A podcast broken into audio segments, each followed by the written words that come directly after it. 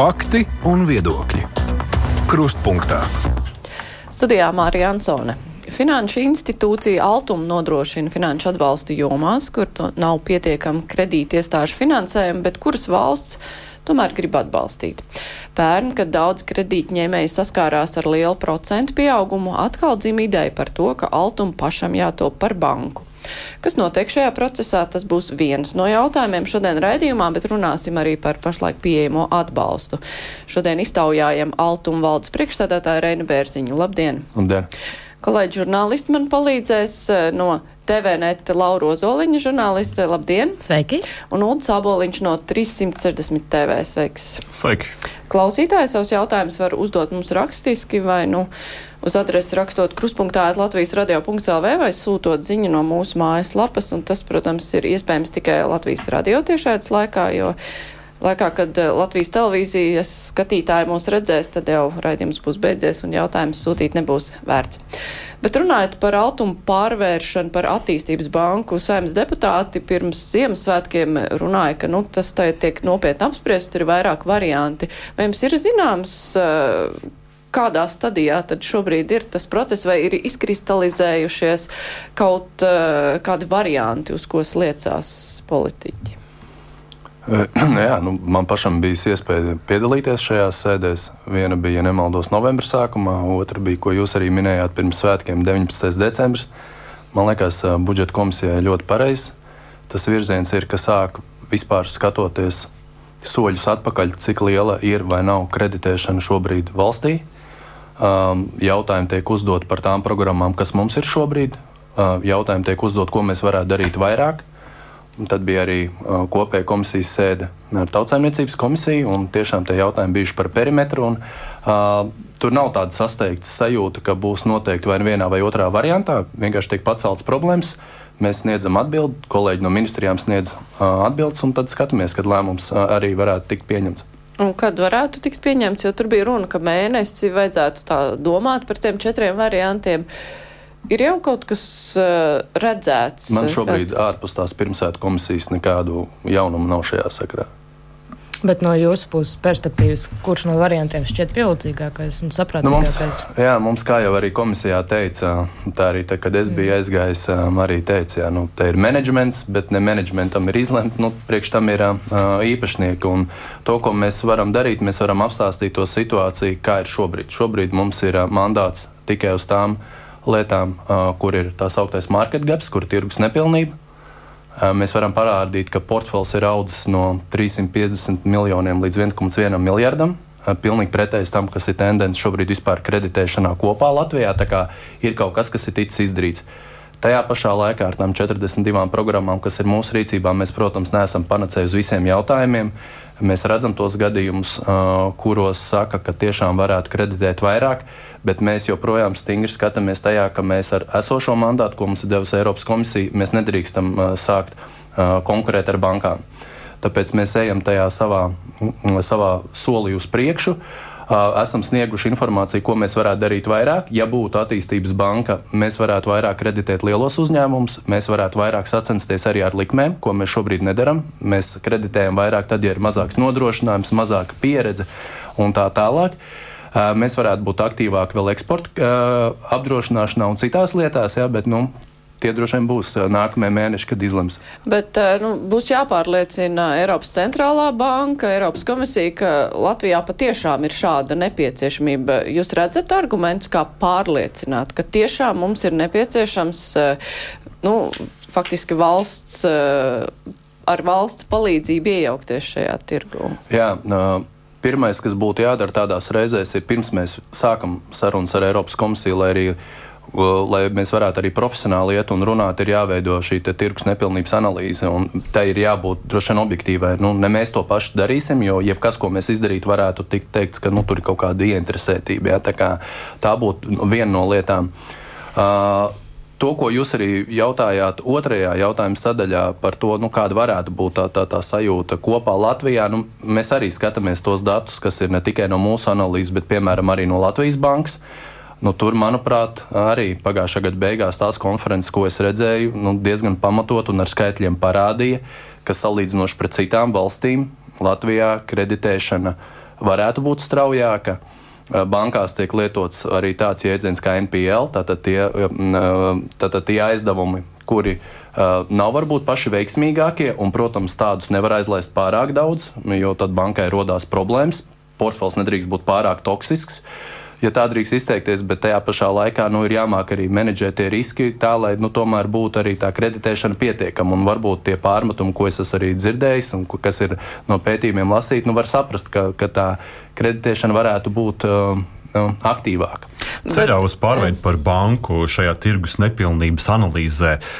Viens no argumentiem var būt, ka, piemēram, patēriņu kredītiem privātpersonām, parastajām komercbankām ir ārkārtīgi augstas likmes. Tur, nezinu, 9, 10, 11%. Jūs teikt, mēs būsim tā kā Lielbritānijā, 2-3% patēriņu kredītiem, piemēram. Tas darbotos, vai jūs, teiksim, patēr, patēriņu kreditēšanā nevarētu iesaistīties? Mēs skatītos, kas tas būtu, kāds būtu šis mūsu mandāts, bet viena lieta, gan, ko es pateikšu, kur mēs tiešām, kā jau minēju, mēs ar bankām esam līdz šim arī ne konkurenti, mēs esam partneri. Un arī šobrīd to, ko mēs redzam, ir reizes, kad mēs aizējām jaunā nišā vai, vai mēs ieejam piemēram, jomā, kurā banka nav iedavusi, bet parasti tā galvenā atšķirība ir, ka mēs ieejam riskantākā kredītā. Mums tam ir publisks finansējums, mēs esam izrēķinājuši, kādas varētu būt tā riska apetīte mums ar mazāku nodrošinājumu, ar mazāku pieredzi. Uh, varbūt pilnīgi zaļam uzņēmumam, bet likmes parasti mums jāsaka, ir tā, daudz neatšķirās līdz šim kā bankām. Tas ir jāsaka godīgi, jo parasti jau tie fizikas likumi ir līdzīgi. Un mēs, ja jūs teikt, kur tad ir tā atšķirība, tā atšķirība ir tajā teikuma pirmajā daļā, ka mēs ejam tur, kur ir riskantāks, un tur mēs noliekam kā riska segumu to publisko naudu, un tas arī līdz šim ir bijis veiksmes stāsts. Bet, ja jūs paņemtu dažādu veidu mūsu pakalpojumus, vienu aizdevumu vai otru apgrozāmiem līdzekļiem, izaugsmēji, Uh, jūs redzat, ka tās likmes bieži ir ļoti līdzīgas kā tam, ko piedāvā kredīti iestādes. Bet patēriņa kreditēšana tāda nebūtu. Nu, līdz teiksim tā, līdz šim arī šajās diskusijās tas nav bijis galvenais fokus, ko Altumam vajadzētu novērst. Jo tā kā, tā kā arī jūs jau iekļāvāt tajā jautājumā, tur ir piepildījums, runa ir par likmēm. Šobrīd mēs esam mazliet citā uh, situācijā, kad arī budžeta komisijā un citur iet runa par to, kur vispār ir nepietiekama kreditēšana, un tur drīzāk saskata altuma primāro fokusu. Un skaidrs, ka šī tirgus nepilnība ir uzņēmēja kreditēšanā, un tieši par likmēm runājot, bankām tiek pārmests tas, ka viņas tie ieceno vēl 8. gada krīzi iekšā, un tāpēc tās likmes varētu būt augstākas nekā citās valstīs. Kā atšķirās jūsu izvērtējums risku? Mūsu izvērtējums atšķirās tieši ar to, ko jūs tikko teicāt. Mēs ļoti skatāmies tam līdzi. Protams, līdz kaut kādam brīdim tu vari pavilkt līdzi to asti, kas ir bijusi pagātnē. Mums arī ir atsevišķi pakalpojumi. Jūs atgādināt, ka Altums izveidojās 15. gadā, bet tur ir trīs organizācijas, kas apvienojās, un tur daļai ir arī kaut kas, kas nāk tajā skaitā no 8. un 9. gada toksiskajiem darījumiem, kuri vēl joprojām amortizējas. Ja? Mums ir programmas, kuros var būt pāris simts, bet viņi bojā statistiku. Uh, šā vai tā, vai kādam var patikt vai nepatikt, Covid bija krīze. Tas, kas notika ar energoresursu cenām, ar ģeopolitisko situāciju, tās ir krīzes. Un nevar gaidīt, kad būs kaut kas ļoti līdzīgs. Tāpēc mēs uzskatām, ka mēs esam izgājuši kaut kādu noteiktu ekonomisko ciklu. Šīs krīzes ir pierādījušas, ka mūsu ekonomika ir daudz stabilāka nekā tā ir bijusi līdz šim. Tā iemesla dēļ tās likmes, uh, kuras uh, šajos riska modeļos uh, liek iekšā, mēs viņus liekam piezemētākas, un mēs nemēģinam mākslīgi ietērt 8, 9 gadu tajās kalkulācijās, lai pateiktu, jā, nu, ka šis, piemēram, darījums ir riskants, tāpēc, ka pirms 15 gadiem lūk, mums ir šāda praksa. Tā tas nenotiek. Jūs Bet, minējāt, ka jūs jā. ejat riskantākos darījumos nekā bankas, līdz ar to cik liels procents jums ir to toksiskā portfeļa? Uh, jā, tas ir, ko es teicu, uh, ir tas um, termins NPLs, ko mm. lieto žargonā finansēs. Mums viņš ir katru gadu uh, viens ir par skaitlis. 8-9% ir augstākais. Ir brīži, kad nāk kādas varbūt agresīvākas programmas, tādas, kas ir klientiem draudzīgākas, ar mazāku nodrošinājumu, tad mēs cenšamies varbūt līdz 8-9% noturēt. Šobrīd mēs redzam, ka piemēram tās Covid programmas, ko mēs arī 20. gadā ieviesām, es teiktu, ļoti sekmīgi. Un, protams, ka tur nāca līdzi arī vairāk iespējamie riski, ja, mēs skatījāmies, bija darījumi arī, kur nepildīja saistības, tad varbūt uzrāvās šobrīd tās ir amortizējušās, un pēdējie skaidri par mūsu NPL ir 6-7%, kas ir krietni virs tā, kas ir industrijā, bet kas ir absolūti pietiekami, lai teiktu, ka Altums šis augošais portfels ir stabils. Mēs esam septiņus gadus saglabājuši Moody's reitingu BAA1, ja, kas ir absolūts tāds, nu, kā nosacīt, kā certifikāts, ka darbība ir bijusi ne tikai ar augošiem apjomiem, bet sabalansējot riskus. Nu labi, bet ja Altuma pārtop par kredīti iestādi kā banku, klausītāji grib saprast, vai tas nozīmē, ka tad Latgals uzņēmējiem būs labākas iespējas saņemt kredītu, ka iedzīvotājs, kurš dzīvo kaut kur ārpus Rīgas pierīgas, varēs vieglāk dabūt kredītu mājoklim un tam līdzīgi. Respektīvi, vai būs pieejamāki šie kredīti, vai šādā veidā tas tirgus tiks aizpildīts? Nu, mums jāsaka, ir tā, ka mums ir arī šobrīd klienti gan no Latvijas, gan Zemgales, gan Vidzemes, gan no visām vietām. Jā, bet un... tas ir ar banku iesaisti. Bet... Nevienmēr, nevienmēr mēs runājam pirms tam par garantijām, un tad tas ir tiešām mums ir mājokļa garantijas, mums ir garantijas, kas ir uzņēmumiem, bet mums ir ļoti nopietns portfels, kas ir pielīdzināms praktiski garantijām, un tie ir aizdevumi. Un mums ir tiešie aizdevumi, mums ir aizdevumi uzsācējiem, kas bija līdz 150 tūkstošiem, tagad 250 tūkstošiem. Ļoti aktīvi pagājušā gada beigās izmantoja lauksaimnieku apgrozāmo līdzekļu aizdevumus ar likmi 3,5%. Šobrīd mēs redzam, kāda bija situācija pagājušajā pagājušajā gadā lauksaimniecībā un apgrozāmie līdzekļi nu, pēc definīcijas ir parasti nu, savādāk vērtējami nekā izaugsmas kredīti. Uh, mēs tiešām uztaisījām pietiekami tādu agresīvu programmu, kurā mums uz gada beigām jau burtiski pāris nedēļu laikā bija 15 miljoni apstiprināti vienā vien programmā. Tā kā es teiktu tā, ka aizdevumos šobrīd mēs varam līdz pat uh, līdz šai nedēļai bija 2,85 miljoni piešķirt tieši aizdevumu, un šonedēļ arī grozīja noteikums, ka mēs pirmkārt varam uh, lielākā apjomā ar vienu programmu varam startēt līdz 5 miljoni. Otrakārt, ir ļoti svarīgi, ka tur var arī piešķirt aizdevumus vairs ne tikai maziem vidējiem uzņēmumiem, bet arī lielajiem. Ja? Tā kā mēs, kur varam, mēs skatāmies, ja tirgus nepilnība kļūst plašāka, nesagaidot nekādus citus mūsu statusus, mēs vienkārši ejam un mēģinam tās programmas uztaisīt nu, pieejamākas plašākam segmentam ar to argumentāciju, ka šajā brīdī tirgus nepilnība paplašinās pati no sevis. Mums ir jautājums par ģimenēm, ne par uzņēmumiem. Kāpēc programmā balss subsīdiju var saņemt tikai tad, ja nekustamā īpašuma ģimene iegādājas kredītā? Latgalē balsts programmā atbalstu ir saņēmuši tikai 2% no kopējā apjoma, un, jo tur nekustamo īpašumu vērtējumi ir zemi. Līdz ar to ģimenes mājokļu iegādē kredītus neizmanto un faktiski sanāk Latgales ģimeņu diskriminācija. Un klausītājs arī vaicā, ko jūs esat izdarījis pēdējo piecu gadu laikā, lai Latgales ģimenes varētu kvalificēties programmai balsts. Nu, pirmkārt, e, mājokļu garantija programma kā tāda Altumam ir ik pa brīdim bijusi būt vai nebūt. Agrāk bija tā, ka finansējumu mēģināja rast no gada uz gadu, un mēs vienmēr esam argumentējuši, nu, ka joprojām tā ir populāra. To izmanto ļoti daudz ģimenes, ne tikai Rīgā vai Pierīgā, bet tajā skaitā Latgalē, Zemgalē, Vidzemē, Kurzemē, visos Latvijas novados. Kopējais apjoms pa šo laiku ir ļoti nopietns. Tie ir 27,000 maisaimniecības ģimeņu segmentā vien, un kopā ar jauniem speciālistiem šis kopējais apjoms, ko mēs esam garantējuši, ir aptuveni 250 miljoni, kas ir tiešām ievērojami. Ja. Runājot tieši par balsts programmu, tā ir granta programma, tā ir programma, kurā ir arī dāvinājums. Tātad šobrīd arī jau piešķirti 11 miljoni, un tas jautājums ir, Kāpēc nav vairāk? Izriet tieši no tā, ka mums šie pakalpojumi tiek sniegti saistībā ar to, ko finansēs banka.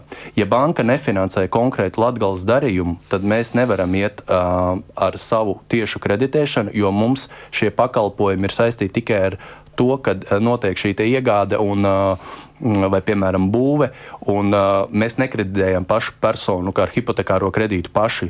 Ja? Tur, tur ir tā atšķirība. Bet nu, tajā gadījumā, ja altuma tiek mainīta šis darbības veids, ja gal galā izšķiras par darbību, kas ir kā bankai, tad šādas Latgales ģimenes altumā varētu cerēt dabūt kredītu, ja tās jā. Šādā modelī visdrīzāk es teiktu, atbildē ir jābūt pilnīgi precīzai. Altumam būtu jātaisa pa vidu starp uh, programmu veidiem Ķīnas mūrs. Vienā pusē būtu tas, ko mēs daudz runājam, principā par to pašu, ko grib uzņēmēji, tikai būtu vēl viens spēlētājs, ja, un tad uh, uz konkurences apstākļiem aizdevumi ja, un citi instrumenti. Otrā pusē būtu tās programmas, kuras ir ar valsts atbalstu.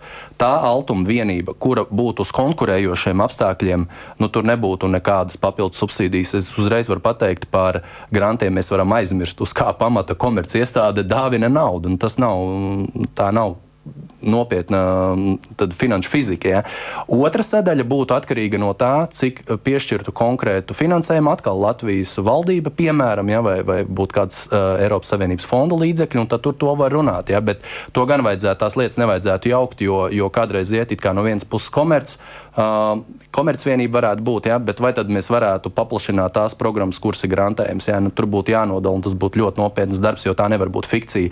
Tur ir jāsniedz konkrēti pamatojumi gan Eiropas komisijai, gan Eiropas centrālajai bankai. Ja. Tur nevar būt kaut kā tāds šķērs subsīdijas un citu pakalpojumu. Par kreditēšanu reģionos turpinot tāda tipiska situācija, apskatoties arī sludinājumu portālos, dzīvoklis uh, uh, 18,000, 17,000 aizejot uz banku skaidrs, ka nekādu hipotekāro kredītu tur nedos. Tur piedāvā ņemiet patēriņa kredītu, bet patēriņa kredītam ir augsti procenti.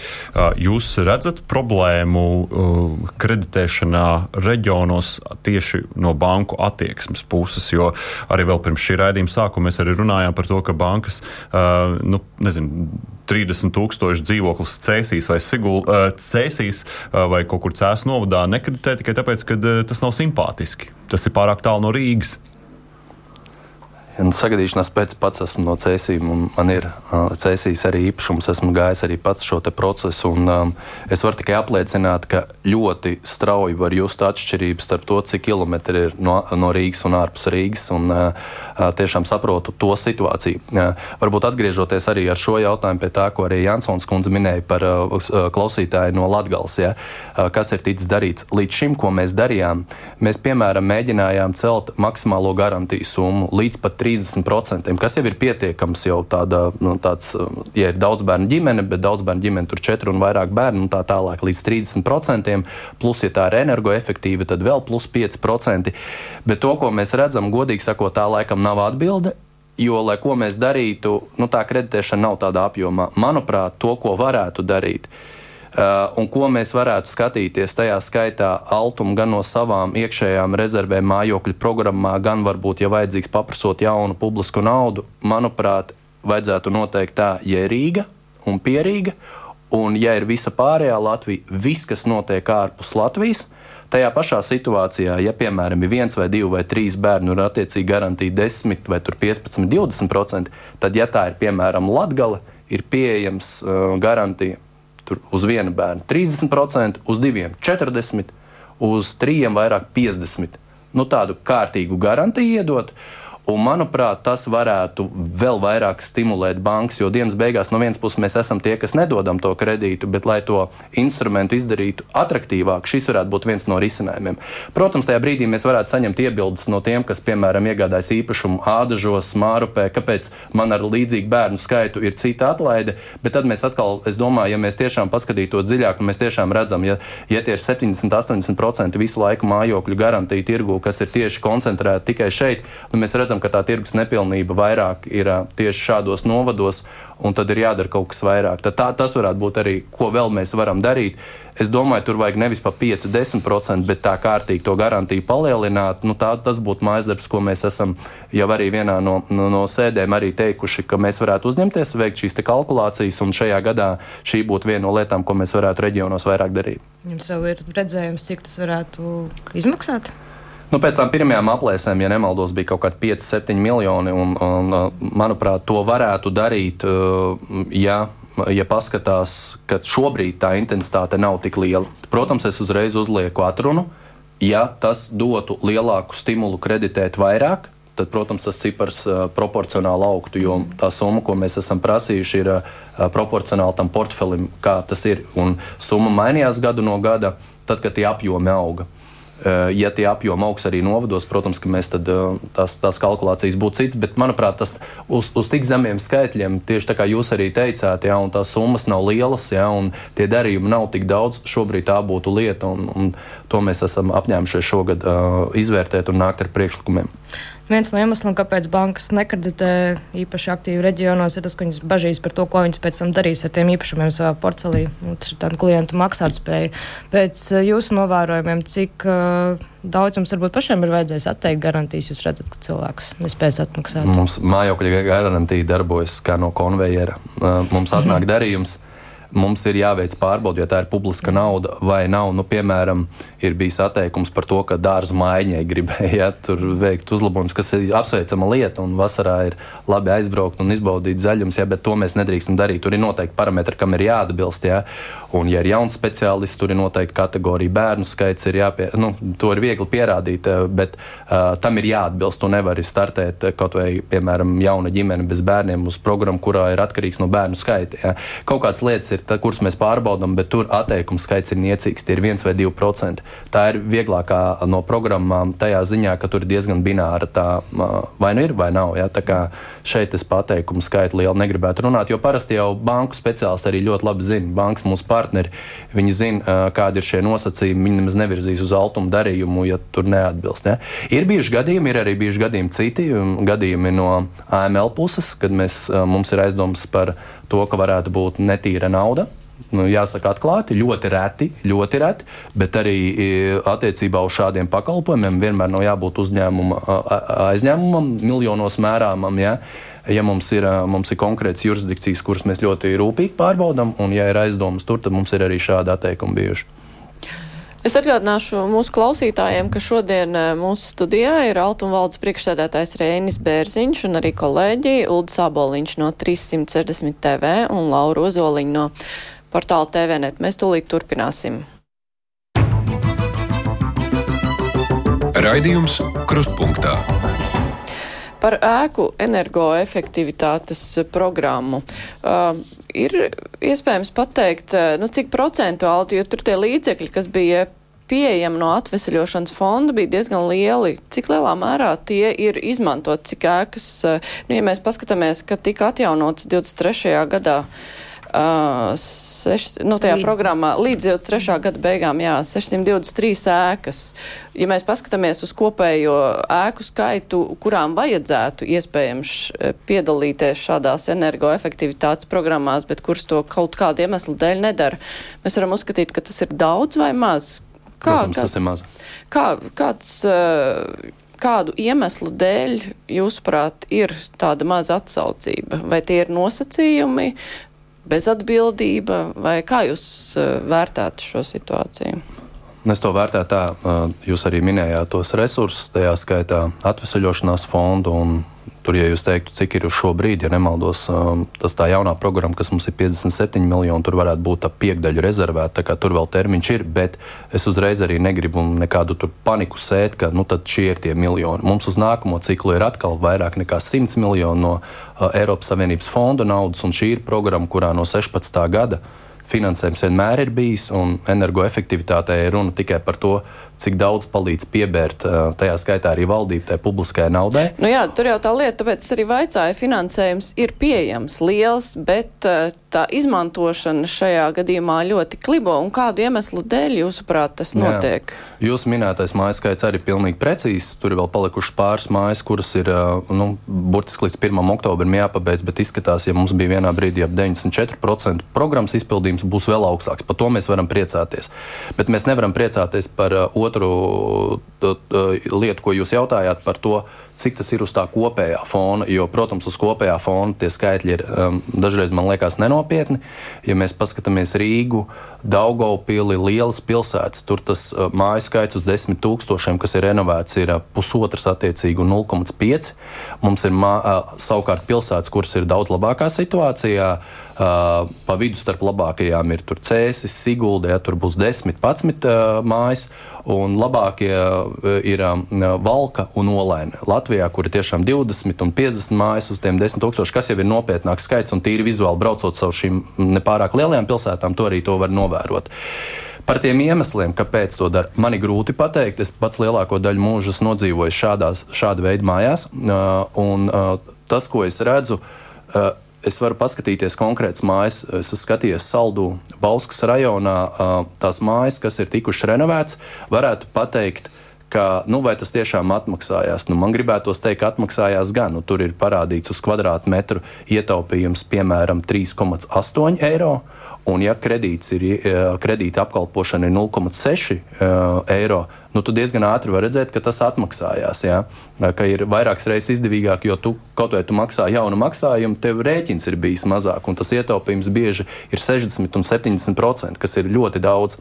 Ja mēs paskatāmies nākamo argumentu, tā māja vizuāli ir pievilcīgāka, ja tā ir lielāka vērtība, pašam ir patīkamāk, pat ja negrib tirgot. Tas, kas ir, manuprāt, ir kaut kāds joprojām iracionālais, ja vien nav kāds viens vai divi ļoti aktīvi cilvēki, kuri par to deg, tad uh, tie argumenti bieži nestrādā. Uh, biju arī otrdien televīzijā, man prasīja tieši par Rīgu, kāpēc. Uh, un kāpēc tieši tagad var būt aktīvāk, bet pirms tam bija pavisam uh, nu, nulle interese. Viens no varbūt skaidrojumiem bija Rīgas ziņā, tajā skaitā, ka Rīgā tomēr tas siltums bija vidēji lētāks vēl pirms pāris gadiem nekā, piemēram, tajās pašās cēsīs, un tur varbūt bija grūtāk pierādīt šo te atdevi. Ja? Nu, šobrīd ar visu to, kas ir noticis arī ar energoresursiem, ar to, ka mēs redzam uh, daudzus piemērus, kā ir mainījušās arī izmaksas konkrētiem dzīvokļiem uz, uh, uz komunāliem pakalpojumiem un uz siltumapgādi, interese ir lielāka, bet tā joprojām ir nepietiekama. Bet es šeit neredzu nekādu korelāciju, nezinu, ar procentu apkalpošanu vai kaut ko citu. Bet uh, nu, cilvēki jau droši vien saprot tos ieguvumus, bet vai tā problēma nav, ka viņiem pietrūkst tā, tās otras resursu daļas, kas nenāk no altuma, respektīvi, ka baidās no kredīta saistībām, nevar izmantot kaut kādas mājas uzkrājumus, varbūt kaut kādu iemeslu dēļ, vai nu, vienkārši nevar tos savākt? Um, varbūt, bet mums ir arī iespējas, kur mēs arī paši aizdodam. Mums ir mājas, kurās mēs esam startējuši gan ar grantu, gan ar aizdevumu. Ja, arī tur ir tieši tajā finansiālajā pusē, es teiktu, ka ir diezgan daudz tās atbildes, un mēs tiešām ļoti arī sekojam. Ja kaut kur atteiktu banka aizdevumu to sadaļu, ko jūs jautājat, tad lai nāk pie mums un tad runāsim. Bet šā vai tā, man liekas, ļoti atkarīgs no tā, cik tajā konkrētajā mājā ir cilvēki, kuri to deg, kuri palīdz kārtot sākot nu, no iekšējā balsojuma, kur ir nepieciešams 50% plus viena balss, agrāk bija divas trešdaļas, tad to arī samazināja. Pēc tam, protams, šā vai tā, tā ir dokumentācija, tā ir pārliecināšana. Tas arī nav tik ātrs process no lēmuma, kad pieņem līdz pašam finišam, ko es esmu skatījies, eh, tos gadījumus, kurus es tikko teicu, ja, kur salīdzināju saldu, piemēram, Balskas rajonu, tur arī tie termiņi bija. Viens bija ap divi gadi, viens bija pat divi pusi un mazliet vairāk. Ja, tā kā, varbūt tā ir lieta, kas uh, arī kaut kā mazliet attur, ja, bet, nu, protams, tur būs dokumentācija. Tad, kad mums prasa, kāpēc jums tas ir tik daudz, uh, Atcerēsimies, ka tas ir dāvinājums, tas ir grants, un uh, arī mūs nāk pārbaudīt, un mums ir jābūt drošam par katru šo skaitli, kas ir ticis uh, uzrādīts mums.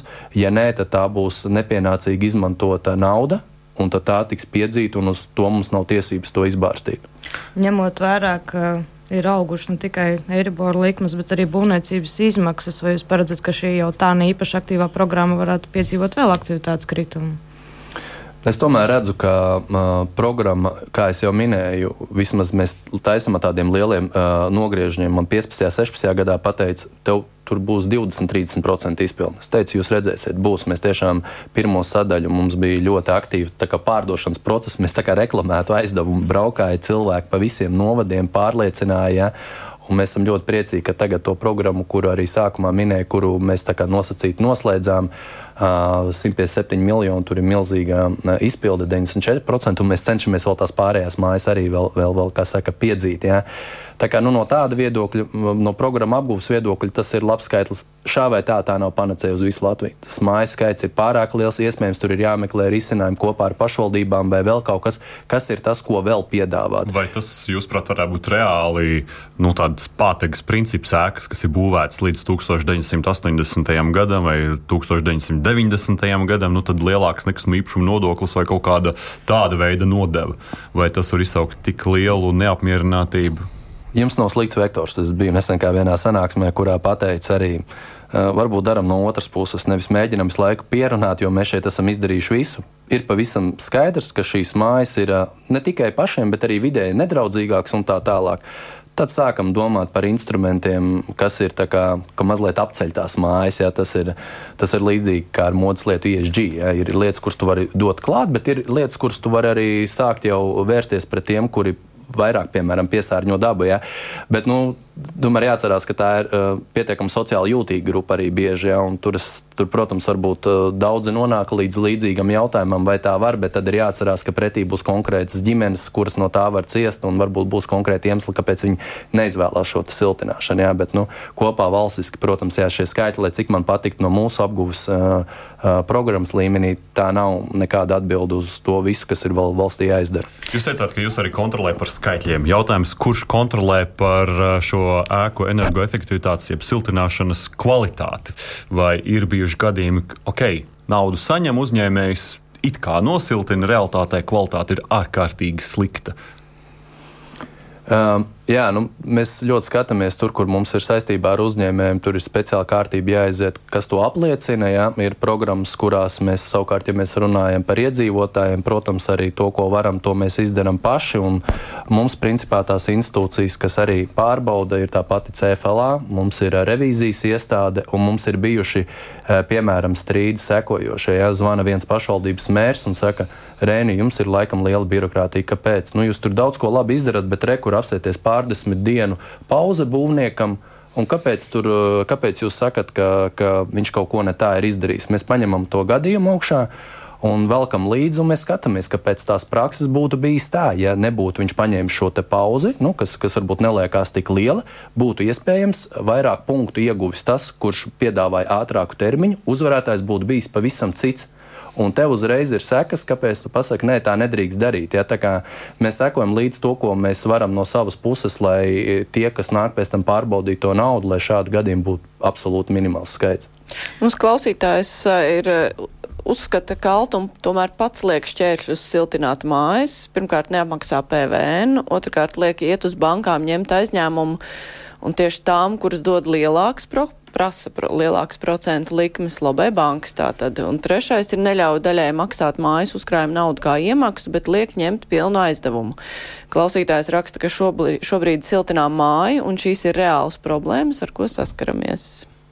Nu jā, nu, arī tas, kas arī jautājumā tika iekļauts, jā, un ir dzirdēts arī šis variants, jā, nu, kāpēc jūs ejat tā otra sadaļa, kāpēc jūs mudinat iet pie bankām. Mēs tur neko jaunu nepateiksim.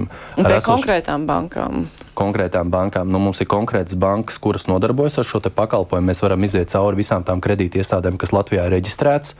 Mēs ļoti labi zinām, ka ir bankas, kuras to nekreditē. Nu, tā ka patiešām nedara, un ir bankas, kuras to dara.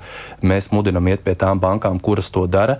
Ja ir sajūta, ka kāda ka, nu, no tām ir nepamatoti vilkts no vienas uz otru, nu, tad konkrēta sūdzība, nu, tad ejam cauri. Man tiešām negribās ticēt, ka cilvēki, kas strādā šajā departamentā, ka tur ir kaut kāda negodprātība tieši konkrēti banku lobē.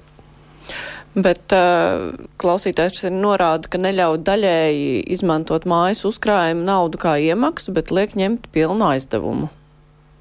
Nu, grūti man ir pateikt, neredzot to konkrēto situāciju, ja nauda ir pietiekami daudz uzkrāta pašiem, ja paši spēj nosakt. Nu, daļēji tur vajag gan kredītu, gan uzkrājumu izmantot. Vienmēr sakot, to sastiķēt pa gabaliņiem, nevis ņemt pilnu aizdevumu. Es tiešām nevaru iedomāties situāciju, kurā mēs, ja ir brīva nauda, mēs teiktu, ziniet, kā neizmantojiet, jums ir obligāti jāizmanto banka tādā apjomā, un tieši šī banka, kā, kā bija tajā jautājumā, nu, ja ir sajūta, ka ir kaut kas ne tā izdarīts, tā ir konkrēta situācija, lūdzu, ejam cauri, tas būtu līdzīgi, tā kā man arī bija tajā reizē, kad zvana pašvaldību vadītājs. No viņa puses, skatoties pārdesmit dienas, ir nieks. No manas puses, kad es redzu to lietu, kāpēc darbinieki tā ir izdarījuši un kāda ir praksa tiem, kas mūs auditē, ir pilnīgi skaidra atbilde. Es viņam atzinu un pasaku, atvainojos, bet mēs tā darām un darīsim uz priekšu. Tā kā lūdzu, lai klausītājiem atbildi meklēt, kur viņš var zvanīt. Uh, kur, jūs, kur, kur var izskatīt šo lietu? Ja sajūta, ka jāvērtā, jāvēršās pret šo departamentu un nosacīt, ja iznāca no jautājuma, nu, kad, kad kāds ir no departamenta to darījis, nu, tad sūdzība altuma. Uh, altuma. Bet tā nevajadzētu būt tā kā viņš apraksta. Nē, nu, it īpaši man ļoti aizķērās tā sadaļa, ka konkrētā bankā ja, nu, tā nevajag būt. Tad es gribu redzēt to lietu, tad lūdzu, lai raksta. Mēs katru lietu arī izskatām. Ir lietas, kad ir pamatot, un ir lietas, kad nav pamatot. Nevar pateikt vienkārši tā no abstrakta apraksta. Runājot par šo pašu programmu, un tieši Latvijā, Latvijā tikai nu, no tā viskopējā portfeļa 3% ir ēkas. Ir. Vai tas ir saistīts ar iedzīvotāju mazo interesi vai arī ar to pašu, ka bankas nevēlas kreditēt? Jāskatās, droši vien arī jāpaskatās, kas ir tajās pilsētās, kā jau minēju. Nu, visvairāk izceļas, ja nemaldos, lietas statistikā tieši Daugopils. Ja, tas ir tas, ko jūs teicāt. Tajā pašā laikā nepārāk tālu rēzakne ir ar daudz labākiem siltināšanas rādītājiem. Salīdzinoši labi tie nav tur valks vai olains, ko es jau minēju. Ja, tur attiecīgi 20, 50 mājas uz 10 tūkstošiem uh, iedzīvotāju, ja, bet tur nav runa par 0,5. Tā, ja. tā kā uh, ir. Um, tā atbilde droši vien var būt no tā, kā Latvija kopumā atbalsta, ja, bet tajā pašā laikā nu, Reizekna un Daugopils nav tik tālu. Tikpat labi varētu argumentēt, ka Daugopils ir lielāka, ja, kāpēc tai pa reizēm desmit e, ir mazāks nosiltinātu māju skaits. Es domāju, ka tur jāskatās arī kopēji, tajā skaitā iespējams arī, kā jau minēju, varbūt sadarbība ar pašvaldību, kā to veicina. Jau mēs arī redzam, ka mums ar atsevišķām vietām ir ļoti laba sadarbība tieši arī pašvaldību līmenī, kuri ļoti arī mēģina stimulēt, skaidrot, darīt. Ja, nu, tas, e, tas varētu būt arī viens no skaidrojumiem. Mums klausītāji vaicā par privātu māju energoefektivitāti ārpus pierīgas eh, cilvēkiem, kuriem bērna nav, cik es saprotu, viņi ir senioru vecumā, jo vaicā, kad būs pieeja atbalstam mājas siltināšanai senioriem. Saules paneļu uzstādīšana viņiem ir atmaksājusies par vienu sesto daļu 16 mēnešos ar visu to, kas saražotais netiek izmantots. Tātad, jā, mums lielāko daļu laika līdz šim altuma pastāvēšanā bija daudz dzīvokļu mājas siltināšana. Pēdējos gados mēs esam gājuši arī privāti mājās. Mums ir pāri tūkstoši šādu darījumu. Uz to finansējumu, kas ir bijis, līdz šim ir tikuši piešķirti nepilni 5 miljoni, rudenī piešķīra vēl 500 tūkstoši. Vēl esmu pārbaudījis līdz nākamajam ciklam, kas ir. Tur ir vēl daļa, kas ir brīva. Manuprāt, tā, tas finansējums šobrīd ir pieejams un to var izmantot. Un, jā, saules paneļi līdz šim bija kādos divos trešdaļos, divās trešdaļās šādu darījumu. Jā. Uh, nu, ja tur ir kaut kāda aizsiršanās, tad, tad droši vien arī jāvēršās pie mūsu darbiniekiem. Es zinu, pietiekami, kā jau es minēju, tos visus kontrols skaitļus, ja, bet nu, man grūti ir pateikt, kas ir konkrētā situācijā, ir nepareizi vai ne tā izdarīts. Jo šobrīd finansējums ir pieejams. Finansējums ir pieejams un to izmanto arī nezinu, tieši šonadēļ, nākamnedēļ, ja, tas nav vēl beidzies. Bet, eh, cik es saprotu, klausītāji interesējas tieši par kādiem īpašiem nosacījumiem senioriem. Es pieļauju pensijas vecumā, kuriem ir grūtības dabūt kredītu, lai nosaktu savu daļu. Mums nav nekāda um, apcelšana no tā, kāds ir um, dzimums, rase vai vecums. Jā, nē, bet tad, apcelšana jā. nē, bet es domāju, ka šeit eh, ir veicāts par pretīmnākšanu. Es, da, es pretīmnākšanu daram tā, tad, ja ir kaut kāda konkrēta sūdzība, mēs, protams, neesam pati lielākā finanšu institūcija Latvijā, jā, bet, kā jau minēju, mums klientu skaits ir desmitos tūkstoši, jā, un, protams, var mēģināt izpeldēt tādas uh, ar vispārīgu uzstādījumu, bet šajā gadījumā ļoti konkrēti. Ja ir kaut kas, kur mēs esam darījuši ne tā, kā tas ir vajadzīgs, lūdzu, lai to Um, Nē, te jau nebija sūdzība, bet te vienkārši bija norāda, vai ir kāda īpaša programma senioriem. Nu, nav šobrīd senioriem, un tur varbūt jau var. Es varbūt arī paskaidrošu. Iedomājieties, mums situācija, kur šobrīd ir 42 programmas, un mēs mēģinam taisīt programmas, cik vien var vispārīgas visiem. Un, uh, mums ir tā, jau ir granti, ir aizdevumi, ir garantijas, ir riska kapitāls, ir energoefektivitāte un tā tālāk. Ja, bet mēs cenšamies netaisīt programmas vadoties no tā, kas ir nu, no gadu skaitļa vai, uh, vai kaut kas cits, izņemot, ja valstiskā līmenī netiek uh, noteikts arī, ka prioritāte, piemēram, kā demogrāfiskos jautājumos, ir uh, jaunas ģimenes un tā tālāk, ja, vai ģimenes kā tādas. Šo varbūt paturpinot, tad ir tā. tā jaunais virziens par uh, atbalstu speciālistiem un ģimenēm, kurās aug bērns ar invaliditāti. Um, bet kā būtu ar kaut kādām sabiedrībai nozīmīgākajām profesijām, piemēram, mediķi, policisti, ugunsdzēsēji, kuriem pēc būtības jau kaut kādu kredītam pirmo, pirmo um, uzkrājumu tur sakrāt, iemaksu sakrāt ir pagrūti, vai kaut kāds atbalsts varētu būt, nezinu, kaut kādam sarakstam ar sabiedrībai nozīmīgām profesijām, bet kas, diemžēl, atalgojuma ziņā ir, ir nu, tajā, nu, nav tajā augstākajā galā. Līdz ar to varētu būt kaut kāds nezinu, mājokļu iegāde būvniecībai, ģimenēm, kurās ir mediķis, ugunsdzēsējs, policists. Ļoti sakarīgs jautājums, un man tur ir konkrēta atbilde. Mums ir tieši šādā veidā izstrādāts ne tikai jaunajām ģimenēm, bet jaunajiem speciālistiem kopš, ja nemaldos, 18. gada. Bet jaunie speciālisti tur apie, iet apakšā arī policistu ugunsdzēsēji. Ja, ja nemaldos, okay. tur iekrīt arī šīs grupas, bet, jāsaka, ir godīgi, tā, tas spektrs ir vēl plašāks. Ja ir vēlme vēl vairāk kādus motivēt, tad var darīt līdzīgi kā mums ir ar karavīriem. Mums ir arī pēdējais jaunums šajā programmā, bija attiecīga sadaļa, kas bija uh, uz šiem karavīriem. Tie klientu skaits nav tik daudz, bet arī tur es apskatījos, portfels jau ir kaut kādi 11 miljoni. Šī, šī vairs nav, kolēģi, šī nav altuma tāda patīk, nepatīk. Tas ir patiešām, ja mēs ņemam kādus uh, izņēmumus, kur ir nevis uh, nu, diskriminējoši, bet pozitīvi diskriminējuši, to var darīt, bet tam ir jāiet caur MK noteikumiem, caur valdību. Ja tad ir kāda ministrija, kura virza to, ir kaut kāds pamatojums, kāpēc tieši tur. Un, un tad, jā, bet mēs savā tajā līmenī, kā jau minēju, mēs nevaram tā vienkārši tā. Nu, pretīm nākšana vai tāda profesija vai savādāk. Ja. Uz šo brīdi tā jauno speciālistu programma darbojas, es pat teiktu, labāk nekā uh, domājām, jo tajā atkarībā, nu, atšķirībā no uh, mājokļu uh, programmas nebija publiskais finansējums. Teica, ka ideja ir laba, ka vajag atbalstīt jaunu speciālistu arī tad, ja nav bērnu ģimenē. Un mēs bijām spiesti uh, pielietot komerces likmi. Mēs bijām spiesti līdz pagājušam gadam strādāt ar likmi 4,8. Un tikai tā, ka mēs redzam, ka tas portfels ir labāk, labs, ka mēs redzam, ka ārpus loga tiešām arī tās likmes tik strauji uh, aug. Mēs tagad esam pēdējos mēnešos viņu uz pusi mazinājuši, uz pusi mazinājuši mm. bet nevienu konkrētu sfēru mēs neesam atsevišķi izdalījuši. Ja atbalsts ir jaunie speciālisti, tāds liels lietu sarga termins, nosauciet kaut kādas varbūt divas, trīs profesijas, kas nav jaunie speciālisti un kas tam apakšā galīgi neiet. Jā, nu, no galas es jums nevarēšu pateikt, jo es drīzāk skatījos tieši no otras puses, kas tur bija IT. Nu, piemēram, maizes cepējs vai nezinu vēl, vēl kaut kas tāds - krāvējs nolikt. Viņš noteikti viņa dabūs, nedabūs. Viņš domāja, ka viņš varētu atbilst, jo tur arī bija tas nosacījums, tai nav jābūt obligāti augstākā izglītībai, tā var būt profesionālā. Ja viņš iet mm -hmm. šajā segmentā, es domāju, iespējams, ka arī noteiktu tehniku vai kādu skolu beidzot tādu, kurā ir šis te, at, atbilstība šādiem nosacījumiem, varētu kvalificēties. Vēl atgriežoties pie tās pašas energoefektivitātes, kamēr vēl neesam pavisam attālinājušies no tā, man ir tāds mazliet varbūt huligānisks jautājums Latvijas radio formātam, nepiemērots jautājums tajā vārdu krājumā, ko es tagad lietošu. Varbūt tikai tād... bez rupjiem. Nē, nē, nē, nē, protams, un tā atbilde varbūt arī nav pie jums adresējama, bet uh, ko mēs arī ziņnešu filmēšanā no, viena, no vienas personas dzirdējām, kur tas jautājums ir, kāpēc tās nosiltinātās mājas izskatās pēc bērnu vēmekļiem. Tas viegli rozā, viegli dzeltenā krāsa. Siguldā savukārt, cik es saprotu, pēc tā, ko es redzu, Siguldai būvvaldē kaut kāda vienota normatīva, kad visas tās siltinātās mājas ir tādas asketiski pelēkas, brūnas, un skaties, kur adresē būtu, viņas ir tādas pelēkas un brūnas. Jautājums par šo, vai kādā veidā uh, var neizskatīties šīs siltinātās mājas pēc lēta 90. gada eiro remonta.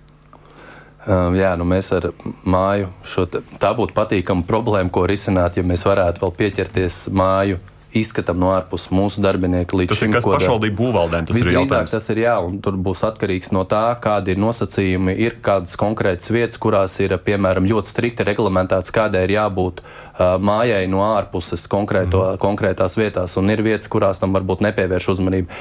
Mēs, protams, kādam patīk vai nepatīk, bet tās nav lietas, ko mēs pārbaudīsim. Un atgriežoties pie tā jautājuma par to kvalitāti, kā tiek siltinātas, uh, īsti tā kā jūs neatbildējāt, man interesē, bet varbūt ir bijis kaut kāds gadījums, nezinu, pusgadu vēlāk tur sāk kaut kas brukt no tā apšuvuma, piemēram, vai nu, tur ir bijušas tādas problēmas, un tad jūs saprotat, ka vienkārši ātri apgūst tie būvnieki naudu, bet kvalitāte ir slikta. Nu, mums tas portfels vēl salīdzinoši ir jauns, un uh, tur tādu gadījumu varbūt būtu jāprasa, vai nav kaut kur kāda vieta bijusi. Uh, mums līdz šim ir tā kvalitāte. Mums biežāk ir runa par to, kāpēc tik ilgi, kāpēc mēs tā skatāmies, kāpēc mēs nepieņemam visu dokumentāciju tā tālāk, jo mēs tieši ļoti tā skatāmies tā kvalitātei uh, līdzi. Bet tā, ka kaut kur jau būtu nu, šādas problēmas, es nevaru teikt. Neatceros nevienu tādu gadījumu. Mm. Mazliet pārveidojot jautājumu par vizuālo izskatu, vai jūs dzirdējat, ka ir kaut kāda virzība saistībā ar to tipu veida projektu izstrādi siltināšanas sēriju veidā ēkām? Tipveida projektus vairāk runā tajā, ja būtu jāceļ vairāk vai nu īres nami, vai būtu jāceļ, piemēram, privāta mājas uz mājas siltināšanu. Es tāds tipveida projekts tā neesmu. Ir tāds, piemēram, visiem lietuviešu sērijas, kas ir izskatās vienādi, ka tām varētu uztaisīt vienu projektu, lai tas viss ātrāk virzītos Jā, uz priekšu. šādus variantus mēs esam dzirdējuši, bet tas ir pat nevis uz siltināšanu, bet tad, ko darīt, lai vairāk attīstītu mm. īres uh, māju segmentu. Jā. Tur es šo ideju esmu dzirdējis. Un par privātmāju energoefektivitāti runājot, pats arī minējāt par tām divām trešdaļām uh, saules paneļiem, kas tiek piešķirts. Tas ir tāds, ka, kam jūs dodat pri, priekšroku šāda veida projektiem. Uh, tieši kas saules paneļus uzstāda. Ne, mēs nedrīkstam būt subjektīvi. Mm. Šī statistika, ko es teicu, šobrīd divas trešdaļas ir uz šo brīdi. Mums bija brīdis, kad statistika bija vēl lielāka, bija, ja nemaldos, ap 90% mm. vai tuvu saules paneļu. Vienkārši tam tas atbilst. Atcerieties, vienā brīdī tā bija vēl lielāka modes lieta, ja? un tad burtiski katru nedēļu mums sabira simtiem interesantu zvanu. Ja? Nu, pārspīlējot, varbūt nedaudz. Jā. Šajā gadījumā mazliet eh, tas kā, amortizē šī interese tieši uz saules paneļiem. Tā ir mazliet kritusi, ir arī citi energoefektivitātes pasākumi, jā, bet mēs, ja tas atbildīs, mēs neskatīsimies, patīk, nepatīk, vai tajā brīdī saules panelis tāda vienkārši bija interese. Tas atbilst MK noteikumiem, mēs ejam uz priekšu, mums nav nekāda tiesība to teikt. Nu, pārāk daudz ir interesi par saules paneļiem. Vienā brīdī tā bija, un šobrīd tā interese ir divas trešdaļas. Varbūt kādi ir tie kriteriji, kam tā privātmājai jāatbilst, lai viņa varētu kvalificēties uz tiem energoefektivitātes pasākumiem? Tur bija, protams, pats galvenais bija tur, uh, ietaupīt, uh, tātad, lai ir ietaupīts energoresurss. Ja? Um, ja nemaldos, tur būtu jāpārbauda šajā programmā 30%, ja, bet uh, ir jābūt tam. Uh, tad bija noteikta uh, summa, ko tu vari uh, pats uh, pieš, uh, uz ko tu vari pretendēt no mums, kā no, no grāmata. Ja? Uh, es pat grūti pateikt, tur nekādas tādas īpašas problēmas nav bijušas. Bija vienkārši situācija, kurā mēs vienkārši teicām, ka ir uh, daudz dzīvokļu mājas, pietiekami daudz atbalstīts. Mēs redzam, ka mums bija pietiekami liela interese no privātu mājām. Mēs varbūt salīdzinoši nelielāku publisko finansējumu, ja nemaldos, ap 5 miljonu kopā atvēlējām. Mēs redzējām, ka tā interese ir, ir kaut kādi tūkstots pārdarījumi bijuši. Ja. Es um, domāju, ka arī turpmāk, arī no nākamā plānošanas cikla arī tiks atbalstīti. Ja šī varbūt nav bijusi tā uh, programma, kur mums kaut kādas īpašas problēmas bijušas. Vai... Klausītājs vaicā, kāpēc tikai viena vai divu dzīvokļu dzīvojamās mājas klasē jāatbilst, uh, nu, lai tiktu pie šīs programmas. Uh, viņš gribētu saņemt atbalstu trīs ģimeņu rindu mājai. Jā, tad iespējams, ka tur ir jāskatās ar to, ka mums, ja nemaldos, tas ir saistīts tieši ar daudzdzīvokļu māju energoefektivitāti, kas ir daudzdzīvokļu māju energoefektivitāte, ko mēs runājam iepriekš. Agrāk tur bija pieci dzīvokļi, ja nemaldos, tur ir trīs dzīvokļi. Tā kā tās programmas ir apzināti tā taisīts, un dažreiz tā liekas, kāds grib uzstartēt uz otru, bet nu, Tāds jau arī bija tas mērķis, tāpēc arī izveidot tam mazākam skaitam, jo no trīs uz augšu jau ir cits instruments.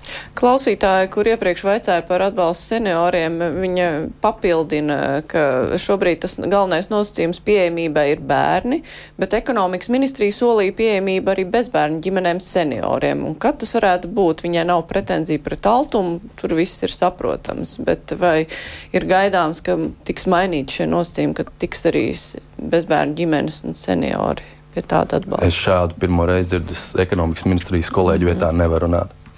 Un uh, klausītājs, kurš sūdzējās par banku lobēšanu, viņš arī precizē, viņš saka, ka nevis konkrētai bankai uh, tiek pārmest lobēšana, bet principā, ka altuma, ka, nu, pārmet to, ka bankas principā tiek lobētas. Bet uh, jūs jau paskaidrojāt, ka tas ir pamat nosacījums, lai varētu saņemt. Bet uh, otra lieta, tur, kur tika pārmests. Ka nevar, nevar pats savu mājas uzkrājumu maksāt, neņemot pilno kredītu. Tas gan esot nācis no altuma. Um, tā, ja tā, tā nevajadzētu būt, tad jautājums, kur viņi var sūdzēties? Viņiem tad ir jā, jā, jārāda, teiksim, tā. Um, Viņam jādara tā, viņam jāapskatās, kura ir bijusi tā konkrētā programma. Mēs arī vienkārši no tam 40 lēkām no vienas uz otras. Ir jāapskatās, kurā brīdī liekas, ka ir prasīts nepamatoti. Ja ir sajūta, ka ar konkrētu darbinieku tā saruna neveicās, vienkārši dara tāpat kā ļoti daudzi cilvēki. Katru nedēļu mums ir sūdzības, un daļa no tām ir pamatota raksta uz Altuma oficiālo e-pastu, kas ir atrodams mājaslapā, un tad mēs izskatīsim un uh, nu, dienu nedēļu laikā atbildēsim. Pārliksim tad uz vēl vienu no 40 programmām jauno zemes īres maksas daudzdzīvokļu māju būvniecību. Kas šajā programmā vispār notiek, vai tur kaut kas ir parādījies? Uh, ir parādījies tas, varbūt, kas ir pēdējā laikā jauns, ka mums ir beidzot pāris vietas, kurās mēs redzam, ka ir sakustējies. Jā. Mm, tā pirmā, ko es laikam varu skaļāk pateikt, ir Jēlgava, kur izskatās, ka varētu iet pa priekšu. Mēs ceram, ka būs vēl vairākās citās. Nu, vismaz tā interese, kas ir tikusi izrādīta, ir arī ja Jēlgava no Zemgals puses, zina, Ventspilī ir bijusi interese, jā, mums ir bijis no Latgals pašvaldības. Jā. Kā parasti tur ir bijušas uh, lietas, ko vēl grib programmā uzlabot. Mm, it kā uz šo brīdi es neredzu nekādu tādu lielu šķērsli, ko, ko mēs varētu izdarīt vēl labāk, lai, lai tā programma aiziet. Ja, nu, tur, ja nemaldos, ir 95% attiecināmās izmaksas tā likme ir, ja nemaldos, 0,69. Man milzīgi garš termiņš. Es atceros, tā, ka mēs runājām 18. gadā, kad nebija šīs RRF naudas, arī ko Jansons kundze minēja, ja, kad mums šai programmai 43 miljoni. Tur mēs runājam par mājas siltināšanu, bet uh, tik labas nosacījumus mēs varējām tikai tāpēc, ka ir šī RRF nauda un tie 43 miljoni šādiem nosacījumiem.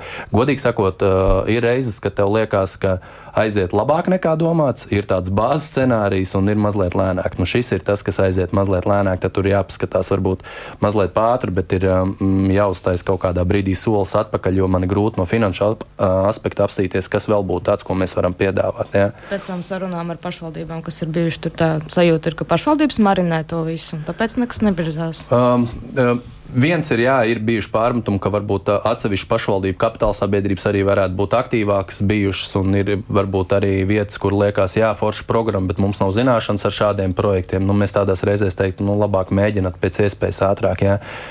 Bet grūti ir pateikt, programmai tieši, nu, no, kā jau minēju, no tādas finanšu attraktivitātes, tur grūti, nevar vēl garāku naudu, nevar vēl lētāku. Jā, un, un, Nu, es vienkārši aicinu to izmantot. Man ir prieks par tām pašvaldībām, kuras ir sasprojušās. Mums ir pirmie pieņemtie pozitīvie lēmumi. Es ceru, ka tie būs ne tikai lēmumi, bet no sākuma konkrēts lāpstas, lā, durvis lāpstas iekšā un sāks darbs, un, protams, arī tos godam paveiks šie lēmumi, kad, ja, ja viņi izpildās, kad varētu parādīties pirmā šāda ēka? Jā, nu pirmos mēs pieņēmām, ja nemaldos, augusts bija vēl līdz augusta beigām, uh, arī rudenī.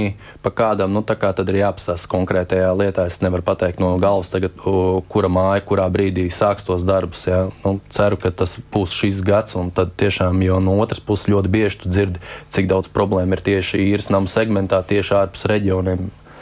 Un finansējums ir tā kā gaidām to brīdi, ka īstenībā mums tā programma aizies tā, ka būs jāmeklē vēl finansējums. Šobrīd, diemžēl, tas finansējums stāv nenoslogots. Īsais jautājums, mums uh, ir pusotra minūte. Jā, uh, tad, kad ir Altvam tik daudz attraktīvas, pievilcīgas programmas, kas motivē cilvēkus ņemt uh, dzīvokļu kredītus, mājokļu kredītus, uh, cik lielā mērā jūs domājat, ka šī uh, šī visa tā altuma programmas tā buķete ir pēc būtības uzdzinusi vidējo cenu nekustamiem īpašumiem tirgū. Jo liels skaits cilvēku dzenās pakaļ pēc šiem dzīvokļiem, tāpēc ka šīs programmas ir interesantas, ir izdevīgas. Jā, bet altumu jau neveido. Neviens nepaņems, uh, nepaņems garantiju tikai tāpēc, ka tur ir kaut kas nogarantēts. Garantija jau ne, nav dāvinājums.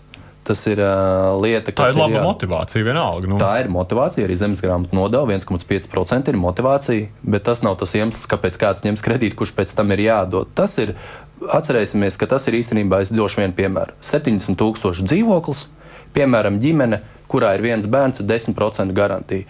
Ir divas iespējas, vai nu 10,500 eiro pats samaksā aptuveni bankai, vai tā summa, ja ir 10% uh, atlaide, būs aptuveni 3500. Un tas ļauj jaunai ģimenei ātrāk dzīvot šajā dzīvoklī. Tas nav ne dāvinājums, nekas. Tur ir ļoti laba portfeļa kvalitāte. Tā kā es teiktu, tā programma dara savu lietu. Cita lieta, ka varbūt to vajag izvērst aktīvāk uz reģionu. Jā, un klausītāji savukārt vēl iebilst par iepriekš runāto. Viņa raksta, Siguldā ēkas ir nosiltināts ļoti glīti, kam nepatīk, lai brauc uz kādu no apģērbtiem. Es jau teicu, ka Siguldā tieši labais piemērs, ka viss ir askaitiski pelēks no, un nu, skaists, tas nevis tas nu, nu, neglīti dzeltenais rozā tons citās pašvaldībās. Jā, nu tad jācīm redzot pārklausījās, jo teica, ka kas grib neglītu redzēt, lai brauc uz Rīgu, uz kādu mikrorajonu. Es to lobēju kā labu piemēru. Jā, es no Siguldas. Tu vislabāk zini un redzi, jā. Jā. Labi, es teikšu paldies. Altuma valdes priekšsēdētājs Reinis Bērziņš bija kopā ar mums. Paldies. paldies Arī kolēģi Uds Aboliņš no 360 TV un Laura Ozoliņa no portāla TVNet. Paldies, ka varējāt atnākt. Rīt kruspunktā žurnālistu diskusija par nedēļas aktualitātēm. Protams, runāsim par uh, Ukrainas prezidenta vizīti Baltijas valstīs. Būs arī daudz citi jautājumi. Bet raidījums kruspunktā šodien ar to izskan. Raidījuma producente ir Ieva Zēza, studijā pie Mārija Ansona. Visu labu! Mēs tiksimies arī rītdienas raidījumā.